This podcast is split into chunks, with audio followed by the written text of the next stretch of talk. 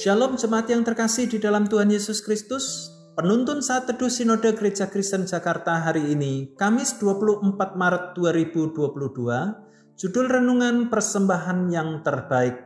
Nas terambil dari surat Roma pasal yang ke-12 ayat yang pertama.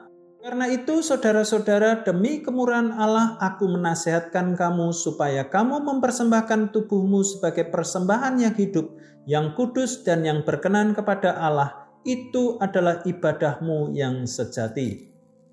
Salah satu sosok panutan saya adalah mama saya sendiri. Dia memberikan teladan yang baik dalam mengasihi anak-anaknya. Saya mengingat waktu masih kecil keluarga kami makan ikan goreng, bagian perut ikan sampai ekor diberikan ke adik saya. Saya memakan bagian perut sampai leher ikan. Mama saya hanya memakan kepala ikan saja. Memang saat itu hidup keluarga kami sangat sederhana, akan tetapi itulah kehebatan kasih seorang mama. Ia memberikan bagian yang terbaik kepada anak-anaknya.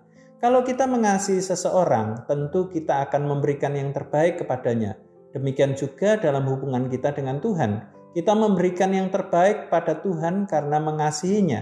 Kita memberi yang terbaik karena Tuhan lebih dulu memberi pemberian yang terbaik dan terbesar. Firman Tuhan mengatakan, "Karena begitu besar kasih Allah akan dunia ini, sehingga Ia telah mengaruniakan anaknya yang tunggal, supaya setiap orang yang percaya kepadanya tidak binasa, melainkan beroleh hidup yang kekal." Yohanes 3 ayat yang ke-16. Lalu bagaimana cara memberi yang terbaik pada Tuhan? Salah satunya dengan mempersembahkan tubuh atau hidup kita kepada Allah, Roma 12 ayat yang pertama. Mempersembahkan tubuh artinya memberi diri untuk melayani Allah. Mempersembahkan tubuh juga berarti tidak membiarkan diri kita terus-menerus melakukan dosa. Totalitas hidup kita adalah untuk melakukan kehendak Allah dan menyenangkan hati Allah.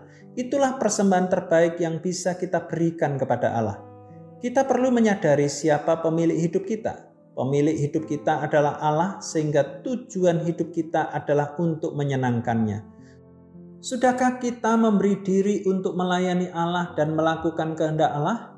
Kita harus menggunakan mata kita untuk membaca firman Allah dan melihat kebaikan-kebaikannya. Gunakan juga lidah kita untuk memuji Tuhan dan memberitakan firman Tuhan. Tangan dan kaki kita juga perlu digunakan untuk bekerja bagi Tuhan, menyatakan kasih dan kebaikan Tuhan kepada sesama. Mari mempersembahkan seluruh bagian tubuh kita kepada Allah. Pemilik hidup kita adalah Allah, sehingga tujuan hidup kita adalah untuk menyenangkannya. Selamat beraktivitas, Tuhan Yesus memberkati.